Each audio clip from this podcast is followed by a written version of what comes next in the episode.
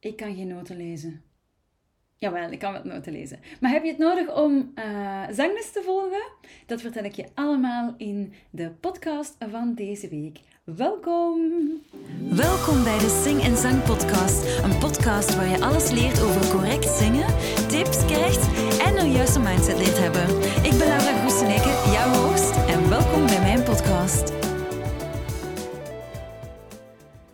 Geef je aan het begin van de podcast al het antwoord ja. Ik bedoel, nee. je hoeft hier helemaal geen noten te kunnen lezen, maar het kan wel handig zijn. En ik leg je uit waarom en hoe ik zonder noten mezelf beter leerde zingen. Ik zelf kan wel een beetje noten lezen, uh, maar ik gebruik het eigenlijk amper met zingen, omdat ik nu eenmaal pop zing en geen klassieke muziek. Even een leuke anekdote over zangers die wel nood hebben aan heel veel noten te kunnen lezen. En het is zo dat er een groot verschil is tussen klassieke muziek en popmuziek. Popmuziek is namelijk muzikaal vaker iets minder complex dan zijn muzikale broertje. Daarom is het ook afkomstig van popular music. Nu, bij klassieke muziek ligt het vaak helemaal anders. Klassieke muzikanten uit een orkest bijvoorbeeld kennen vaak geen akkoorden, zoals we die op de piano of de gitaar gaan aanslaan, of zij kennen hun partijen niet altijd van buiten. Dat komt omdat klassieke muziek veel complexer is en ze ook veel langer spelen, langere muziekstukken hebben dan drie minuten en een half of zelfs vandaag twee minuten en een half. Hè? Dank u Spotify. Er zijn meerdere toonladders en er gebeurt vaak veel meer dan in één popsong. Allee, meestal hè. Er zijn altijd uitzonderingen natuurlijk, maar over het algemeen. Zo zong ik enkele jaren geleden een hele tijd bij Ozark Henry ik kreeg nooit een notenbalk mee naar huis, of het maakte me toch zeker niet. ik, ik had het niet nodig. Ik maakte ze zelf ook niet echt aan. Ik schreef alles gewoon op. Ik leerde alles uit het hoofd. En dat kon ik omdat ik één sterk muzikaal geheugen heb. En twee, omdat Ozark Henry voornamelijk popmuziek maakt. Nu moest Piet, Piet, Piet Godard, Piet a.k.a. Ozark Henry, samenwerken met het Nationaal Orkest van België, super tof. En ook met enkele studenten van de Munt, die mijn partijen gingen zingen. Wat jammer was, maar kijk, het is gebeurd. Het is, dat is, uh, de Munt is de opera in Brussel trouwens. En die laatste groep zangers, die moesten met drie mijn partijen zingen uit de song Maybe bijvoorbeeld. Het is een song waar heel powerful... Wordt gezongen door mezelf. En zij moesten dat doen, dat was heel spannend. Um, en mijn partij in die song is echt niet zo moeilijk. Maar de zangers uit de opera stonden erop dat alles uitgeschreven was in noten. Anders konden ze het niet instuderen. Terwijl ik altijd songs instudeer door gewoon naar de opname van een repetitie te luisteren, wat vaak een slechte opname is, maar toch, of een studio-sessie te beluisteren van de vorige opnames. En zo zie je dat zangers heel verschillend dingen instuderen. Um, ik werk heel auditief en mensen in de klassieke muziek werken vaker ja, met hun notenbalken en, en, en, gaan echt lezen. Maar ik bots altijd tegen mijn plofkap. Oeps. Uh, dat is dat geluid dat je daar juist hoorde.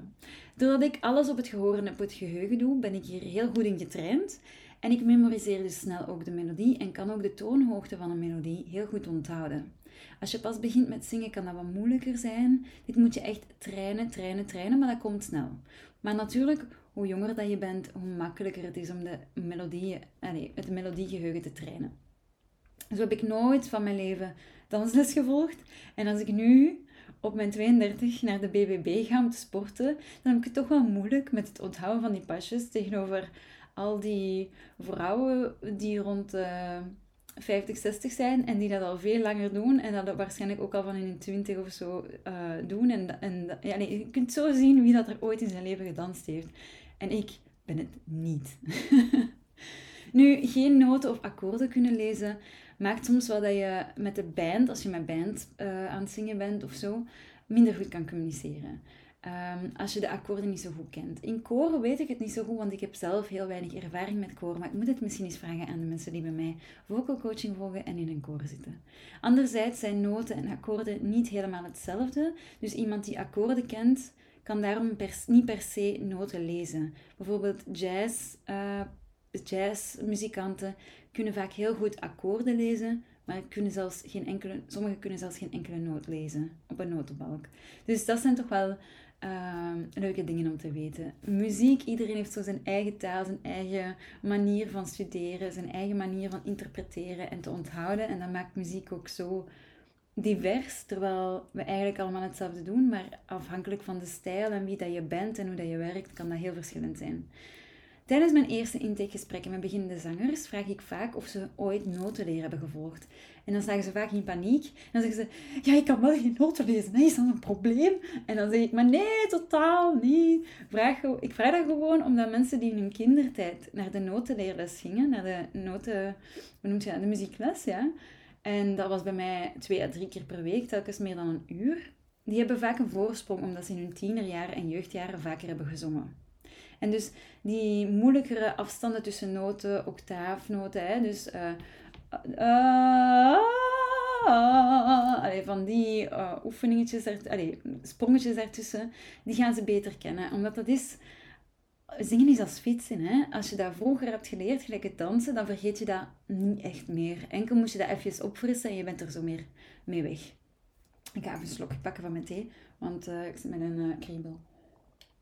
Hm? Voor mij is de tekst vaak de houvast van de structuur, omdat ik zangeres ben. Voor een andere muzikant is dat vaker ondergeschikt. En vaak uh, kent de band zelfs de tekst helemaal niet. Which makes it sometimes painful als je de tekst hebt geschreven, maar kijk, goed. en het publiek ook niet altijd, hangt ervan af hoe diehard ze zijn natuurlijk. Maar probeer je tekst altijd zo snel mogelijk van buiten te leren, want dat kan wel je kapstok zijn. Het is handig om je tekst goed te kennen, want dan moet je je niet meer focussen op het onthouden en lezen van de song. Je kan je gewoon helemaal focussen op het zingen zelf.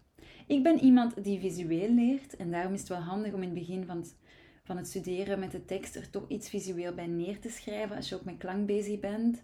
Zo durf ik wel eens mijn tekst, op mijn tekst de ademhalingen aan te duiden met een hoge komma, net boven de tekst, zo een uh, apostrof. En de vibrato's die maak ik dan uh, duid ik dan aan met golvende lijnen of een, een streep als, er als ik echt geen vibrato wil. Of een streep en een golvende lijn als ik eerst geen vibrato wil. Dus de vibrato is ah, en de trillingen, um, maar dat wist je misschien al. De trillingen, dus je kan die aanhouden zonder trilling en dan een beetje met trilling. En um, ja, dat is gewoon handig om, om die geheugensteuntjes aan jezelf te geven. En zo kan je toch um, ja, naar terug, er naar teruggrijpen als je aan het studeren bent of aan het oefenen bent. In mijn atelier krijg je bij sommige oefeningen wel notenbalken, omdat je dan visueel beter kan onthouden hoe, je, hoe de oefening gaat. Maar ik verwacht nooit dat je de noten gaat zeggen. Want dat maakt niet uit, want die opdracht die ik jou geef, die gaat altijd transponeren, die gaat altijd naar boven gaan, altijd een beetje verhogen en terug naar beneden gaan. Dus die noten lezen is echt niet nodig. Het is gewoon leuk om te zien wanneer de, de melodie naar boven gaat, dan gaan de nootjes naar boven en wanneer de melodie naar beneden gaat ook. Maar daarom heb ik vandaag dus een infosheet gemaakt met enkele tips om notenbalken te interpreteren, zodat jij niet niks weet als je dat onder je neus geschoven krijgt. Dan heb je net genoeg kennis voor moest je naar jouw eerste zangles gaan en je wilt je niet onzeker voelen en goed voorbereid voelen. Daarvoor dient deze podcast. Ehm, ik, wil het, ja, ik wil aan mensen uitleggen voordat ze die enge stap naar zangles nemen, dat ze een beetje weten waarover het gaat, wat dat er allemaal kan gebeuren. Ehm, en ik geef jou gewoon wat tools om wat meer controle te hebben over bijvoorbeeld het weten hoe dat een notenbalk eruit ziet, wat dat, al die um, symbooltjes betekenen. als je last hebt van een pupie in je hoofd of... Uh, uh, hoe zeg je dat, het, stemmetje in je hoofd dat zegt dat je het allemaal niet kan, dan maak ik een meditatieoefening enzovoort. Dus dat kan je allemaal in deze podcast terugvinden. Daarvoor dient deze podcast, om voor jou een soort van houvast te zijn voordat je naar zangles toestapt. Ik heb dus voor jou een hulpsheet gemaakt om noten te interpreteren. Zo voel je je dus al iets beter voorbereid.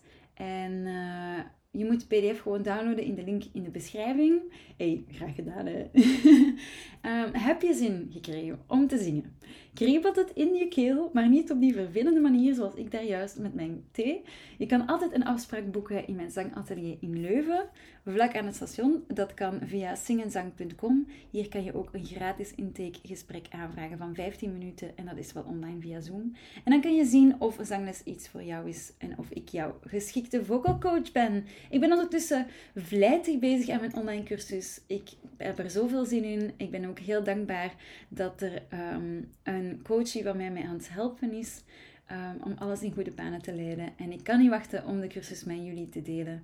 Um, ja, het is fijn om, uh, om altijd met, je, met jou te kunnen spreken. eh, en jullie en jou altijd veel meer informatie te geven ehm, over wat er, waar ik mee bezig ben in mijn zangatelier. Ik ben sinds december, nee, januari ben ik begonnen met ehm, ja, enkel zangles thuis te geven.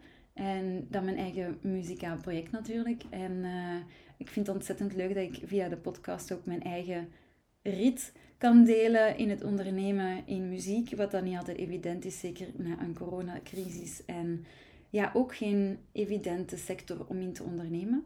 Maar kijk, dankzij jou, omdat je altijd luistert elke week en omdat de plays toch blijven omhoog gaan, het verbaast me elke keer, wil ik een dikke, dikke dankjewel zeggen om te luisteren. En hopelijk tot volgende week komt er weer een nieuwe podcast aan. Ciao!